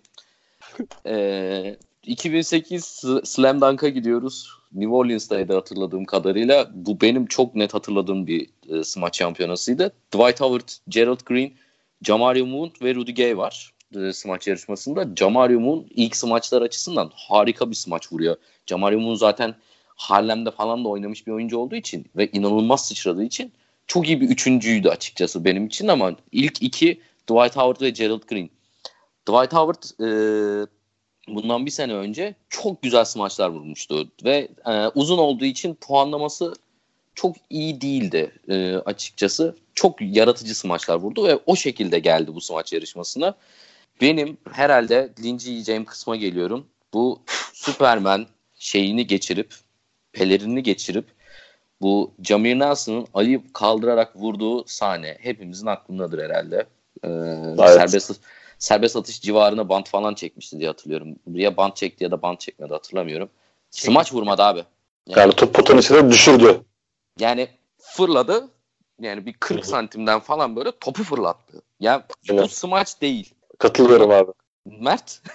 hani bilmiyorum senin fikrini ama yani Abi şimdi ben de sana katılıyorum. O dönem birazcık fazla şov işine girildi. Yani normalde o döneme kadar yani Jason Richardson'ın dönemine kadar diyelim daha doğrusu. Gerçek manada smaçlar vuruluyor. Yani smaç ve estetik kaygısı ön planda. Abi sonradan yani bu Dwight Howard şaklabanıyla beraber gerçek manada şaklaban ya iş, işin içine şov daha ağırlık basıyor. Zaten ondan sonra abi yani Aaron Gordon Zach kapışmasına kadar gerçekten bence çok keyifsiz smaç yarışmaları var. Yani çünkü şov önde estetik kaygısı ikinci planda. İşte smaç ya vuruluyor ya vurulmuyor. Yani mesela işte söylediğim gibi Dwight Howard'ın smaç olmayan smacı yani smaç olmayan ama smaç kabul edilen hareketi bence büyük bir rezillik. Ha mesela şimdi ben o zamanlar izlediğimde ilk başta tabii çok şey etkileniyorsun ama abi sonra bakınca diyorsun ya bu, bu nasıl bir saçmalık? Çünkü saçmalık çünkü yani smaç çalışması smaç olmayan bir şeye puan vermek gerçek manada saçmalık. Ee, sonradan işte 2014'te çok kötü. Başka benim aklıma gelen de yok açıkçası. Yani çünkü diğerleri unuttum bile. Yani benim aklıma şey geliyor. Yani 96'da Daryl Armstrong'un turnikesi geliyor. ya abi ama onun birazcık şey. Sma smaç yarışmasında smaç yarışmasında turnike. Yani ya, o çocuğu vuruyor. Çocuk... Evet evet o normalde vuruyordur Armstrong da bir tane şey smaç denemeye çalışıyor. Ya bu e, Larry smacı gibi bir şey denemeye çalışıyor. Böyle tekel çevirmeli bir şey yanlış hatırlamıyorsam. Abi bir dakika süresi var. Vuramıyor. Artık son böyle 3 saniye gelirken böyle ters turnike bırakıyor bir tane. İşte vuramadığı için şey ana öylesine bırakıyor atıyor yani. Onun çok şeyi yok aslında. Keşke vur keşke denemeseymiş be. Abi ya işte en azından bir şey yapayım diyor. En iyi niyetli bak bu iyi niyet. Tabii tabii smaç, kötü niyetlileri de gördük. Abi hiç smaç vurmuyormuş gibi yap, yapmıyor yani. Tabii. Smaç vuruyormuş gibi. Mesela Nate Robinson gibi 3 kere e, bu smaç tarihinde yani smaç şampiyonası tarihinde 3 kere şampiyon olan kişinin Nate Robinson olması bana çok enteresan geliyor. Yani katılma ya. Ben belli bir yerden sonra bilmiyorum hatırlar mısınız ama yani çok sıkıldım Nate Robinson'dan. Ben yani çok büyük... Ben izlem izlememiştim diye hatırlıyorum. Yanlış hatırlamıyorsam yani. izlemedim ben. Çünkü sıkıcıydı. Yani Nate Robinson sıkıcıydı. Yani evet bu çok kısa boyu var. Harika sıçrıyor. Buna hiçbir yorumum yok. Hani hiçbir şey söyleyemem. Ama üç kere katılması Nate Robinson'ın ve sürekli bu hani kısayım çok sıçrıyorum. Potanın içine vurabiliyorum. O zaman beni şampiyon yapın. Tavrı yani ben belli bir yerden sonra açıkçası çok sıkılmıştım yani. Ya burada bir de şey durum var abi. Şimdi eski 80'lerde baktığında smaç yarışması mesela 83 var. İşte Dominic Wilkins, Michael Jordan. Abi o dönem yani e, 83 dedim özür dilerim. Kaçtı Dominic Wilkins'e? 85. 85. 85. Ya o dönem Yok. smaç yarışmasına katılanlar hem gerçekten iyi oyuncular ve smaç yarışmasında bir şey de kanıtlama adına katılıyorlar. Ya o dönem gerçek manada bir rekabet var. Rekabet ve estetik kaygısı. Daha ön planda o zaman. Abi sonradan bu e, tam olarak hani neden bilmiyorum. Belki hani artık değişen dünya düzeniyle de diyebiliriz bunu. Hani teknolojinin daha fazla gelişmesi işte sosyolojik bakımdan insanların e, odağının değişmesi de diyebiliriz. Şov daha fazla ön plana çıkıyor ve rekabet azalıyor. Aslında baktığında abi şeyi düşünebiliyor musun? Mesela Michael Jordan, Dominic Wilkins'in e, kapıştığı smaç yarışmasında Jordan'ın durup Wilkins'in üzerinden vurmasına, smaç vurması falan izin verebileceğini düşünebiliyor musun? Hayatta. Bu arada yanlış bilgi vermeyelim. 88'miş. 85 Dominic Wilkins'in kazandı. Ha, 88. 88. Yani hani böyle bir şey düşünüyor musun? Yani mesela Nate Robinson kazandığında Nate Robinson Dwight Howard'ın üzerinden smaç vurdu. Aynen öyle. Ya bunu Abi, mesela o dönem herhangi birini söyleseniz ya büyük ihtimal bir tane yumruk yerdiniz. Michael Jordan'a falan böyle bir şey söyle söylemiş olursanız yumruğu yerdiniz yani ben öyle tahmin ediyorum. İşte hani bu o dönem hani böyle bir kıyaslama durumu da var. Şimdi bu bence bu Aaron Gordon, Zach Lavin smaç yarışmasından sonra birazcık daha estetik kaygısı bence birazcık daha ön plana çıkıyor yavaş yavaş. Yani bunu belki bu senede hani e, katılan oyuncuların tavrından da belki hani göreceğiz. Çünkü ya 2016'ya kadar gerçekten kötü. Kötü yani. 2016'da tarihin bence en iyisi oynanıyor. 2016. Çok acayip bir smaç yarışması bence. Onu zaten sonradan değineceğiz. Böyle de bakmak gerekiyor. Yani rekabet, şov ve estetik kaygısı. Üç yani dönem dönem olarak böyle farklılık. Hani biz de daha farklı şeylerden etkilendiğimiz için. Hani biz burada konuşurken burada üç, üçümüz kendi adımıza konuşuyoruz hani. Aynen. Eleştiriniz varsa mutlaka iletin. Yok yok. Hani yok abi işte Howard'ın en iyisi diyebilirsiniz yani. Biz tabii kimseye karışmıyoruz. devam ediyorum. Buradan devam edelim artık biraz hızlanalım. 2003 All-Star'ına gidiyoruz. Ee, Jordan'ın bu podcast'te çok değindiğimiz Jordan'ın son All-Star'ı e, Mert Demircioğlu. Sendeyiz. Abi burada yine çok güzel bir hikaye var. Bana böyle hikayeleri bırakman güzel oluyor. Ben seviyorum böyle hikayeler anlatmayı. Resmen Mert kayırılmış. Aynen. Ben özel para verdim Melih'e. Anlaştık. İban'ı yolladı. Attım bir şeyler. Sen yemek o... sepetinden 50 liralık hediye çeki Aynen, aldım. Yemek sepetinden de özel. Evet yemek sepetinden. Neyse. Abi Jordan son All-Star maçı ve burada e, Jordan'ın koçluğunu yapan kişi çok ilginçtir. Isaiah Thomas en büyük düşmanı. Beraber denk geliyorlar. Abi bu maç büyük ihtimal ol yani ben o dönem tabii ki canlı izleyemedim. Daha sonradan izleyebildiğim bir maç benim de. Bu maç son uz- uzatmanın ilk uzatmanın son 12 saniye 15 saniyesi falan top Doğu takımında. Ee, Jason Kidd'ti galiba yanlış hatırlamıyorsam. Jason Kidd topla e, dribbling yapıyor. Önce bir içeriye girer gibi yapıyor çıkıyor. O sıra Jordan'ı Marion'ı savunuyor ki Sean Marion o dönem iyi bir savunmacı. Jordan e, dip çizgiye yakın bir noktada topu alıyor. Sean Marion'la birebir oynuyor ve bir fadeaway çıkarıp Doğu takımını iki sayı öne geçiriyor. Ve 3 saniye kalıyor. Batı takımına 3 saniye kalıyor. Batı takımı tabii orta sahadan şimdi topu çıkaracak. Topu çıkarıyorlar. Kobe Bryant dip çizgiden çok zorlamayan böyle rastgele bir atış öyle diyebiliriz neredeyse. Rastgele bir atış çıkarıyor ve o sıra ne yazık ki o insan ortaya çıkıyor. ne yazık ki. İsim ver, isim ver.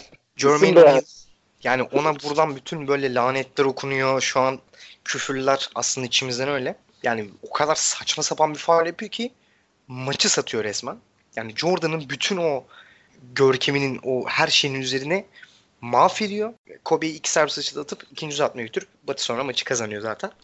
Maçın MVP'si de Kevin Garnett oluyor 2002, 2003'te. Aynen. Böyle güzel bir hikayesi var mı? Yani ne, ne açısından bakarsanız. Yani Jermaine O'Neal için güzel olur. Yani Jermaine O'Neal hatırlamak isteyenler böyle hatırlıyor en azından. Oyunculuk konusunda çünkü bir zaten bir Detroit kavgası var. Malice at the Palace.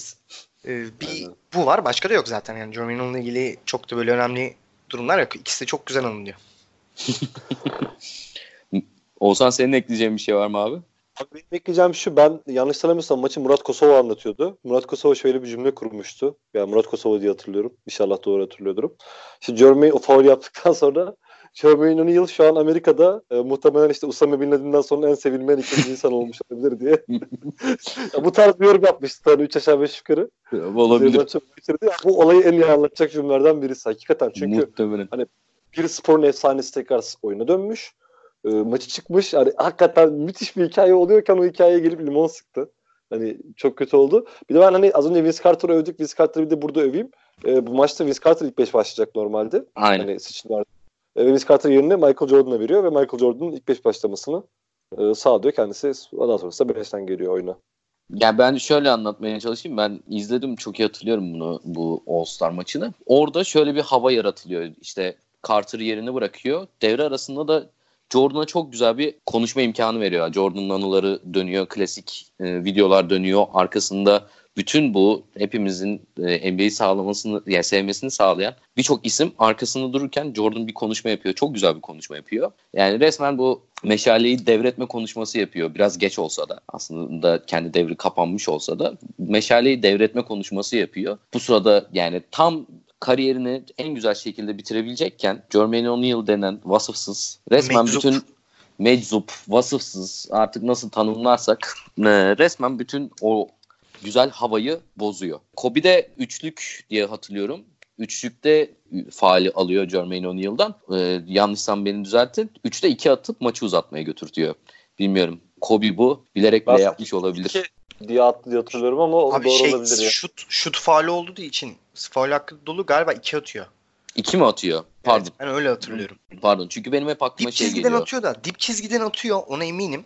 Hı hı. Çünkü tam böyle bench'in önünde düşüyor falan hatta yere. Ama hani tam şu an 3 müydü 2 milyon hatırlamam ama galiba 2. Bir de yani Kobe'nin buradan... faal kaçırma, kaçırma ihtimali düşük yani. Düşünsene Jordan efsane olacak ona bence izin vermemek için 2'de 2 atmıştır ya. Hani sanmıyorum şut kaçıracağını ya. Ben o oraya bir tekrar bakmamız gerekebilir. Ben biraz o, farklı hatırlıyor olabilirim. Ben pozisyonu iyi hatırlıyorum. Dediği gibi hani dip çizgide bench'in önünde oluyor da hani 2-3 ona bakarız tekrardan yani. Aynen aynen. Devam ediyorum. Artık biraz daha bayağı bir yakınlaştık 2015 ve 2016 üçlük yarışmalarını beraber ele, ele alalım dedik. Ee, aslında üçlük yarışmalarıyla bu zamana kadar çok konuşmadık. Sonlara kalmış oldu ama 2015-2016 en yakından e, en beğendiğimiz ama biraz da üçlük yarışmasını açıkçası tarihine bakarak e, konuşacağız. Oğuzhan sendeyiz abi. Abi şöyle aslında 2015-2016 üzerinden genel bir üçlük yarışmalarını ve hani sevdiğimiz isimleri bir analım dedik. Ama hani bu 2015-16'nın özelliğini derseniz en özel zaten yanlış hatırlamıyorsam 15-16 rekordu o dönem gelen 27'ler. Ee, 2010, ya 2015'ten başlayayım önce. 2015'te ben bir kısaca isimleri saymak istiyorum size. Ee, Marco Bellinelli, J.J. Redick, Wesley Matthews, James Harden, e, Kyrie Irving, Stephen Curry, Clay Thompson. Ya bir defa şöyle bir durum var. Katılan isimler çok büyük. Bunu da aslında birazcık şöyle anlatmak gerekiyor. Ee, özellikle 2000 işte ondan sonra bu işte herkesin ağzına pelesenk olmuş benim çok kullanmayı sevmediğim bir kelime ama işte bu pace and space denen işte birazcık da işte alan paylaşımı insanların daha fazla üçlük attığı üçlük sayısında meydana gelen o hızlı artışlardan sonra e, aslında 3 sayı yarışması birazcık da All-Star maçından hani All-Star hafta sonunun en özel etkinliklerinden biri olmaya başladı. Ve bunun asıl işte zirve yaptığı nokta 2015 ve 2016. Neden? Çünkü hani NBA tarihinin belki de en iyi 5 şutöründen iki tanesi Stephen Curry ve Klay Thompson var. Ee, öyle olmuş olduğu için de çok önem arz etmeye başladı. 2016'da bir benzeri oldu. 2015 yılında ne oldu? İşte ilk aşamada atıldıktan sonra finale e, Klay Thompson, Stephen Curry ve Kyrie Irving kaldı. E, Stephen Curry hakikaten kusursuz'a yakın 27 puanla birinci oldu. Senede işte bunun rövanşı falan oldu. Yine çok iyi katılımcılar. Bu sefer şey vardı. Devin Booker, Chris Middleton ve yine işte Klay Thompson, Stephen Curry vesaire.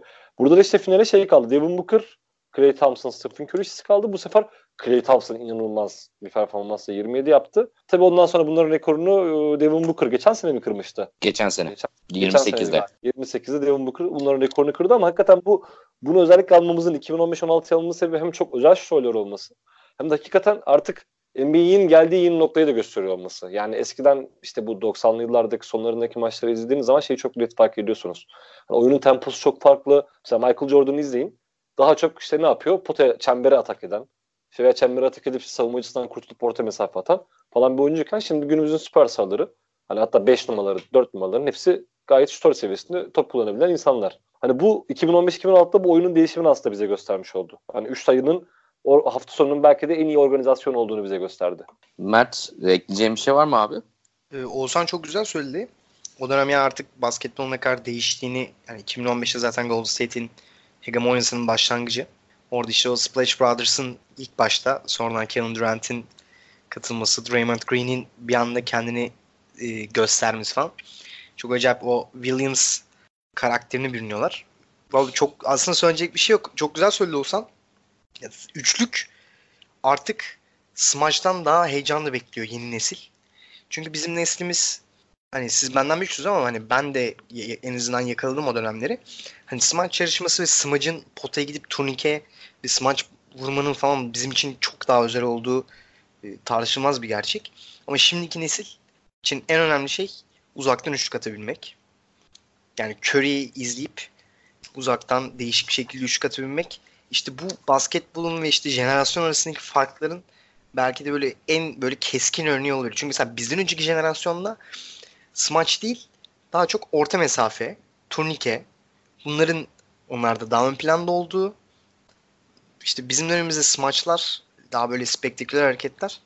Şimdi artık üçlük daha ön planda. Başka da bir şey eklemek istemiyorum. Daryl Morey teşekkürler. Abi sadece Daryl Morey değil ya. Genel manada E, NBA tabii canım. yapısı değiştiği için. Yani ama e, peki benim sorum şu. E, 2015-2016'yı konuştuk ama onun dışında aklınızda kalan özel üçlük 3 üç sayı yarışmasındaki performanslar dersek Abi Stojkovic. Peja var. Peja Stojkovic var. Bir de Dirk Nowitzki var benim için. Ben Nowitzki'yi çok sevdiğim için. Nowitzki'nin zaten bu yarışı yani yarışmayı kazanması bile çok enteresan geliyor. Çünkü Evet. Şut e, hareketliliği açısından ve elinden çıkarması açısından bu, bu diğer adayların yanında çok yavaş bir hani şut mekaniği olan bir isim Nowitzki. Ama kazanması da gerçekten mu- mutluluk verici. Oğuzhan sen bir şey söylüyordun abi. Aa ben Stojkovic'i ya şöyle ben de sen Nowitzki'yi tabii ki çok seviyoruz. Stojkovic de ben çok severdim ve hakikaten şu an mesela günümüz oyununda olduğunu bir düşünürsek bence çok muhteşem bir dört numara olabilir ya şu anda. Hani hani ortalama savunmacı, ortalama pasör, çok iyi şutör, çok elit şutör, çok iyi reboundçı falan. Hakikaten şu an günümüz NBA'inin hani artık bu şutun yani o tarihlerde şut önemli olmadığı için birazcık daha önemli değil yani. Şimdiki kadar önemli olmadığı için en azından.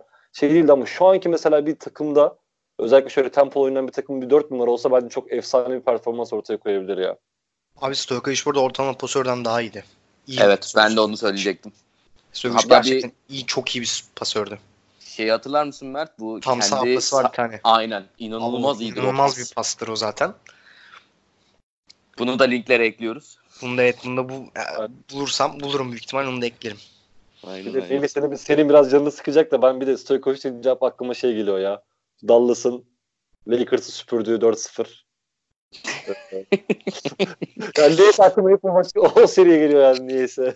Yani biz o seride biraz açıkçası artık şımarmıştık. Şımarma pozisyonuna Stojkovic gelmiştik. hem Nowitzki dediğimiz için hani ikisini birden analım. Aynen, aynen. Özellikle. Yani Nowitzki ve yani Dallas Şürekası bayağı isimleri e, üzmüştür. LeBron e, severleri de bayağı bir üzmeyi becermişlerdir. Ama ben açıkçası şimdi geri dönüp baktığım zaman o playoff eşleşmesinde biz zaten çok rezil bir haldeydik. İşte Baynum'un Barea'ya dirsek atıp öldürmeye çalışması, Artest'in hareketleri hani ama şimdi geriye dönüp baktığın zaman e, Stojkovic'in e, bir yüzüğünün olması benim açıma hani bir izleyen olarak gayet mutluluk verici. Hani bizim için kötü olsa da hani genel açıdan iyi bir şeydi. Zaten o seriden sonra biz komple dağıldık. Ee, devam ediyorum.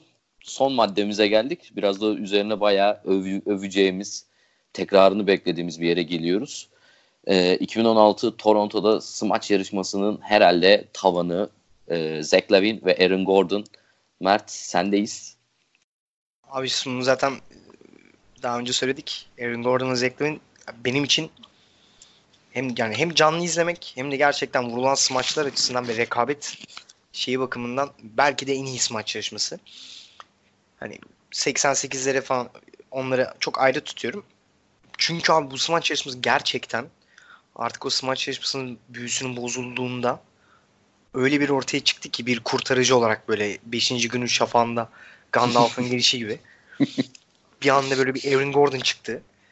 Abi hoverboard'un hoverboard'un üzerinden maskotun oradan tekel alıp vurduğu smaç ve yani esas benim için en üst seviye olan havada oturduğu havada gerçekten oturup bacaklarının altından çekip vurduğu smaç yani tarihin belki de en iyi 5 smacından biri olabilir. Ha, bu arada şöyle bir durum var. Şimdi burada insanlar bence biraz haksızlık yapıyor. Şimdi Aaron Gordon %100 hak etti. Ama Zach Lavin de çok acayip smaçlar vuruyor. Yani hani insanlar Zach Lavin'i biraz hani kötülüyor ama abi adam servis atış çizgisinden değirmen vuruyor. Lütfen yani hani bu smacın zorluğunu- zorluğunu insanların düşünmesi lazım. Hani ben şöyle bir örnek vereyim. Smaç vurmak çok zor bir şey bu arada. Yani öyle gerçekten herkes vuramıyor smacı. Ve onu geçtim. Havada hareketli beraber hem uzun mesafe hem de onunla beraber hareket etmek acayip bir şey ve Zeklerin bunu servis atış çizgisinin çizgisinden zıplayıp değirmen vurarak yapıyor. yani o da inanılmaz bir smaç ama yani o yarışmanın en iyi smacı tartışmasız Aaron Gordon'ın sadece zamanlama hatası yani smaç yanlış zamanda vurmasından kaynaklı yarışmayı kaybediyor bence. Başka da... senin ekleyeceğin bir şey var mı? Abi ben şimdi ben katılıyorum kesinlikle bu arada Mert'e. Hani orada Zeklev'in de hakkını teslim etmek lazım. Yani çok onun performansı çok acayip. Özellikle o az önce bahsettiği smaç var. Bir tane bacak arasından geçirip bastı var son turda. Onların slow motion'ları var YouTube'da. Yani bir izlesinler. Adam havada yürüyor ya. Hani şöyle uzuyor yani oraya doğru. Müthiş bir atletizm. Ama yani ben hani şeyin smacı e, Aaron Gordon'un havada oturduğu smaç var. Hani o topu aşağıdan geçirdiği. O ara havada oturuyor hakikaten. O çok acayip bir şey. Ama benim böyle daha çok hayranlık duyduğum smacı şey. Şu maskot top elindeyken dönüyor ya. Orada topu hı hı. abi ya o topu oradan tekel ya tekel yani onu özellikle vurguluyorum tekel. Topu yakalayıp oradan topu aşağıdan çevirip smaç hakikaten akıl alır bir şey değil ya. Ya o ben hani ilk izlediğimde bana çok anlamıyorsun. Ben ilk izlediğimde çok an, aşırı şey yapmıyorum. Sonra böyle bir tekrarına bakıyordum. Hatta şu an önümde açık yani. yani böyle şeyden önce onu izlemişim en son yani. Ya bu, bu çok acayip şey ya. Ya bu ya normalde herhangi bir insanın vücut koordinasyonunu sağlaması çok zor ya orada. Ya bu daha önce az önce şeyi birden bahsettik bu arada. Yani Vince Carter'ın bastığı smaçları çok estetik. Hakikaten yani aklımıza smaç dediği ilk gelen isim ama hani zorluk açısından bu bence benim gördüğüm muhtemelen en zor smaç olabilir ya. O top Abi şey hatırlıyor musunuz? Mesela. Hemen lafını kesiyorum. Aaron Gordon o ilk smacı vurduğunda dönem maskottan topu vurduğunda ben çok oldum. Kendimi kendimden geçtim ya dedim bu ne izliyorum ben şu an tarihi izliyorum dedim. Ve kendime dedim ki ya herhalde artık bitti yani bundan daha iyisi olmaz dedim. Kenny Smith gibi. Abi sonra gitti havada oturdu ya adam. Şurada adam hakikaten oturdu ya. Ya abi ondan sonra Zeklerin falan neler vurdu. Ya gerçekten inanılmaz bir smaç yarışması. Ya de, şu anki dönemde olması bizim için özellikle yani smaç seven insanlar için daha da güzel bir şey. Ya benim ekleyeceğim şöyle. Orada e, Aaron Gordon'ın performansı muazzam. Zaten tarihin en iyi e, finale çıkıp kaybeden ismidir açık ara.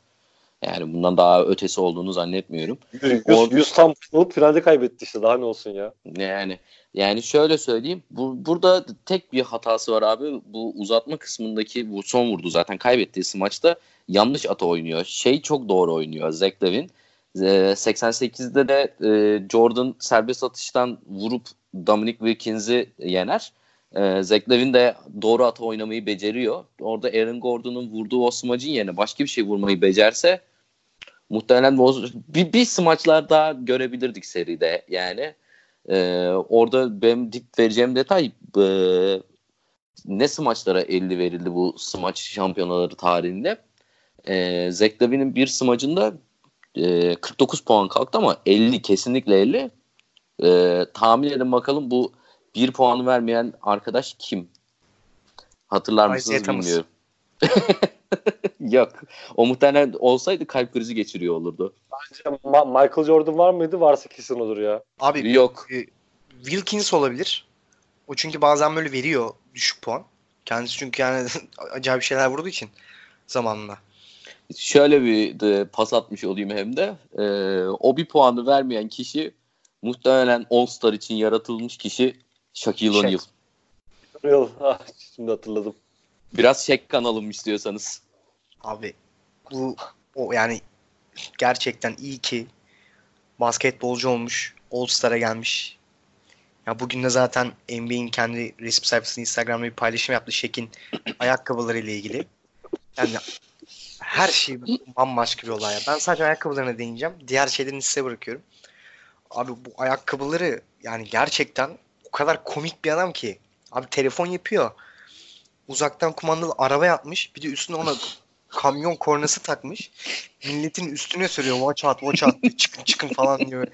Orada kornaya mornaya mı Ya, ya gerçekten büyük troll.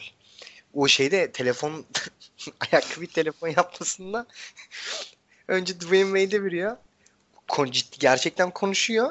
Sonra şey Iverson e, AI diyor sana diyor telefon diyor. Telefon diyor. E, alıyor Iverson. Iverson ilk başta ya tamam falan yani işte, çocuk şeyi gibi. Alo alo falan diyor. Sonra ses gelince o gerçekten çalışıyormuş lan bu falan oluyor böyle orada harbi konuşuyor. O da inanamıyor. Teye bakıyor ayakkabıya falan bakıyor tekrar. Nasıl çalışıyor ya bu? yani gerçekten Şek iyi ki All Star'da izledik onu. Ben danslarını özel olarak Oğuzhan'a bırakmıştım çünkü Oğuzhan özel bir dansçı. Tekniğinin daha iyi bildiği için o yüzden Oğuzhan'a bıraktım. Dans ederek beni onur ettin. Çok teşekkür ediyorum. Yani. Ama oğlum ben Trabzon'da horon oynayan adamım. Dans demeyelim yani ona. Yanlış anlaşılmasın. Abi şöyle ya o 2009 All Star, o 2009 All Star girişi hakikaten güzel. Yani şöyle bir defa Shaquille O'Neal çok iyi basketbolcuydu. Hani belki de basketbol tarihinin o aradaki 2-3 sezonluk 2000'lerin başındaki hali yani basketbol tarihini gördüğü en güzel adamlardan bir tanesi. Ama bunun yanında hakikaten şey ya bir nasıl diyeyim bir televizyon figürü aynı zamanda bir ekran figürüydü yani. O 2009 yılındaki dans hatırlıyor musun? Suratına maskeyle ortadan çıktı. Aynen, aynen. Şey. Abi çok inanılmaz ya. Abi inanılmaz sempatik bir adam. Ee, böyle şey seviyor. Bu arada ben şeyi de anayım. Hani yeri gelmişken Şekil Önü üzerinden anlatayım. Ee, bu Mehmet Okur'un All Star olduğu sene 2007 yanlış hatırlamıyorsam. Orada da Mehmet Okur'a karşı bir top sürüşü var. Hatırlıyor musunuz onu? Aynen öyle. yapıyor crossover. falan falan.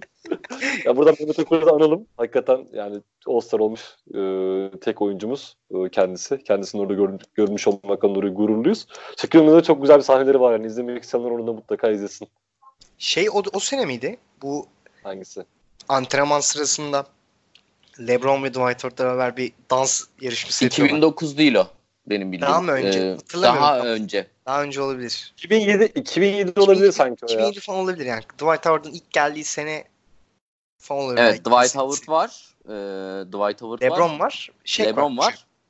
Aynen aynen. Yani Üçü inanılmaz orada. Yani şu komedi ya. Yani bu kadar eğlenceli bir insan olması çok iyi ki var ya. Hala da yorumculuk yapıp devam ediyor buna. Abi 2007'ymiş şimdi baktım. Ya benim Dans aklıma da Aha. dans dans. Ha, dans mı 2000? Benim aklıma da gelen abi bu 2009'daki All Star'da yaptığı e, tam böyle Dwight Howard'la şey Mehmet Okur'la yaptıkları gibi üçlük çizgisinin orada buluşuyorlar. Ondan sonra Dwight Howard böyle hani hadi gel bakalım gibi böyle kafasını falan hareket ettiriyor. Beşliğinden geçiriyor abi topu. Sonra pası alıp smaçla tamamlıyor. Evet abi hatırladım o çok komikti. Ha- Howard Of. gibi paylaşıyor da bu yapılır. yani çok ideal bir mesajdı bence. Yani asıl Superman'in kim olduğunu bence gösterdi. Abi bir de kendine o kadar çok lakap taktı ki. Bitmiyor ya adamın lakabı. Hepsi Tabii, de tabii. kendini falan. Müthiş bir karakter. Aynen öyle. Beyler ekleyeceğimiz başka bir şey var mı? Abi ben İnşallah son olarak bir bir olur. Aynen olur. Ben çok kısa bir şey söyleyeceğim. Hani All-Star'ın evet belki tadı yok. Hani eskisi gibi az önce konuştuğu 2000'lerin başı var ama hani All-Star seçilmenin önemi hala devam ediyor yani. O en azından orada yer almanın bir önemi var. Hani o yüzden de hep bir kıymeti olacak. Çünkü en basitinden işte bu yeni şeyle e, toplu sözleşmesiyle beraber hani All-Star olmanın ekstra en azından bir getirisi dahi var maaş olarak. Daha fazla maaş kazanmış oluyor. O yüzden artık oyuncular da bunu önemsiyorlar. Ee, önemsedikleri için işte yeni formatla beraber e, son işte geçen sene bence biraz daha iyiydi. Hani o özellikle LeBron'un şimdi burada LeBron gömmeyelim dedik ama yine dayanamıyorum. Ben de iş oraya geldi zaman. hani LeBron ve kankalarının o işte özellikle 2005, 2004, 2005 sonrasında bozmuş olduğu son 10 senelik dilinden sonra hakikaten son bir sene birazcık daha iyi geldi en azından bence. Birazcık daha değerli toplu gözüktü. Ben bu seneden de biraz daha ümitliyim. Her ne kadar Antetokounmpo yapmış olduğu seçimlerle kötü bir takım oluştursa da e, en azından maç kısmından e, eskiye nazaran birazcık daha ümitli gözüküyorum. İnşallah dediğiniz gibi güzel bir hafta sonu olur. Güzel bir All-Star organizasyonu olur bizim için. Mert senin ekleyeceğin bir şey var mı bunda? Ee, Benim bir şey yok. Ben sadece smacın da güzel geçmesini istiyorum. Zor gibi görünüyor ama Abi çok zor ya. ümit ediyoruz yani sadece. Onun dışında üçlük falan zaten çok çekişmeye geçecek. Maçın da aynı şekilde çekişmeye geçerse uykusuz kaldığımıza değer. Ben başka bir şey söylemiyorum. Aynen öyle. Benim de son ekleyeceğim bir şey var. Ee, ya bu seçim işini Oğuzhan hani olumlu bir şekilde gördü. Ben de olumlu bir şekilde görüyorum. Ama yani işte seçimlerde böyle bir sıkıntılar oluyor. Hani ben tam e, nasıl söyleyeyim All-Star'ın geri dönmesini istiyorum. All-Star'ın tam olarak geri dönmesini istiyorlarsa da bence bu sene keşke Russell Westbrook'la Joel Embiid'e seçtirselerdi. Muhteşem olabilirdi. Abi aynı takıma koydular en azından. Hı? Aynı takıma koydular en azından ya. Onların şimdi aynı takımda olmasını izlemek bence daha eğlenceli olacak. Bence şu an dostluk istemiyorum abi. Ben şu an o 2001 All-Star'ı görmek istiyorum. Bunun için de Russell Westbrook'la Joel Embiid'i seçtirselerdi bu sene muhteşem olabilirdi. Düşünsenize bundan iki sene önce Russell Westbrook'la Kevin Durant'i seçtiriyorlardı. Of. Çok iyi. Yani Russell Westbrook muhtemelen böyle maçı kazandıktan sonra tribünleri tek tek dolaşabilirdi. yani muhtemelen görüşmek şey üzere. falan Görüşmek üzere. Hoşçakalın. Hoşça falan kalın. diye böyle Kevin Durant. tabii tabii. Tabii tabii böyle Kevin Durant'e sataşmalar. Abi şeyi e, yalnız Embiid ile Westbrook şey gibi olur. Özellikle yan yana oturtup yaptıracaksın draftı. Onların seçimleri orada. Bunlar hani şey oluyor ya boks maçlarından önce iki boksör işte birbirlerine bakıp dikleniyorlar ya müsabaka öncesi. Bunlar muhtemelen şöyle Hatta Embiid, Embiid orada trollük yapardı. Ben senden daha uzunum sen küçüksün falan diye. On numara e- eğlenceli olur hakikaten ya. Abi zaten Embiid trollüne de Russell Westbrook biraz fazla gergin bir insan olduğu için hemen sinirleniyor. Sen ne diyorsun lan falan gibi böyle çıkışlarda bulunuyor. Ya benim burada ben buradan Adam Silver'a sesleniyorum. Adam Silver dinlediğini biliyoruz. Abi şey Senden falan istediğimiz- yapabilirler ya. Adam alıp adam a- böyle eskiden şey mahalle maçlarını yapıyorduk ya. Adam adam alıyorduk böyle. Hı hı. İşte ne tekerlemeler falan söyledi. Ne deniyordu? Çok hatırlamıyorum açıkçası. A- Çocukluğumdan Aldım çok zaman geçti. Aldım şeyler- verdim ya budur o. Ha falan aynen öyle şeyler yapıp böyle yarım marım adım atılıyordu. öyle falan da seçilebilir abi böyle yani. Türkiye'de olsa yaparlar da. Bu kültür onlarda yoktur. Aynen aynen. Ee, daha ekleyeceğimiz bir şey yoksa artık yavaş yavaş e, bitiriyorum. Ee, dediğim gibi zaten tekrarını yaptık. Ee, linkleri aşağıda bulabilirsiniz. Bayağı bir atılacak link oldu. Kanalımıza abone olmayı bir- unutmayın. Aynen öyle. Kanalımıza muhtemelen mu- mutlaka abone olun. Çok güzel e, programlarımız var. E, umarım çok güzel bir hafta sonu olur. Biz de sizi biraz bu ortamı ısıtmaya çalıştık. Beyler görüşmek üzere. Görüşmek üzere. Hoşçakalın. Hoşça kal. Hoşçakalın.